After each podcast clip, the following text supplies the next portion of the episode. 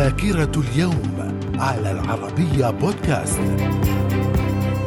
أهلا بكم ومن ذاكرة اليوم الثامن عشر من مارس في العام 1874 جزر هاواي تتلقى حق التجارة مع الولايات المتحدة. في العام 1913 اغتيال ملك اليونان جورج الأول في سالونيك وابنه قسطنطين يخلفه على العرش. في العام 1932 انتهاء الحرب بين الصين واليابان. في العام 1909 وثلاثين قوات الجنرال فرانسيسكو فرانكو تدخل إلى العاصمة الإسبانية مدريد. من الذاكرة. ومن ذاكرة الثامن عشر من مارس في العام 1962 التوقيع على اتفاقيات إيفيان بين الحكومة الجزائرية المؤقتة وفرنسا. في العام 1965 رائد الفضاء السوفيتي أليكسي ليونوف يقوم بأول خروج في الفضاء. وفي العام 1977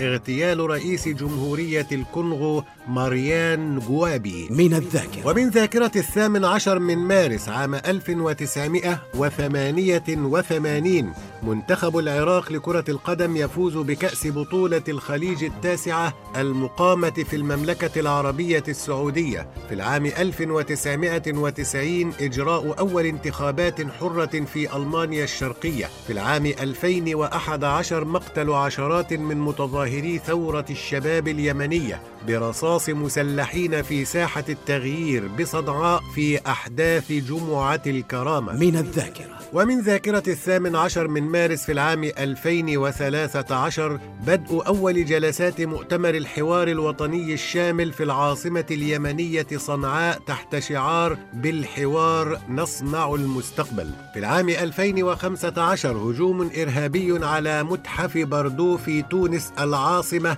يسفر عن مقتل 24 شخصا بينهم 20 سائحا وتونسيان. في العام 2016 إلقاء القبض على صلاح عبد السلام أهم المشتبه بهم في هجمات الثالث عشر من نوفمبر 2015 في باريس في بروكسل. من الذاكرة. في العام 1844 نيكولاي رامسكي كورساكوف موسيقي روسي صاحب سيمفونية شهرزاد. وفي العام 1936 ولد فريدريك ويليام دوكليرك رئيس جنوب إفريقيا الحاصل على جائزة نوبل للسلام عام 1993 من الذاكرة. ومن وفيات الثامن عشر من مارس في العام 1584 إيفان الرابع قيصر روسيا. عام 1965 الملك فاروق الأول ملك مصر.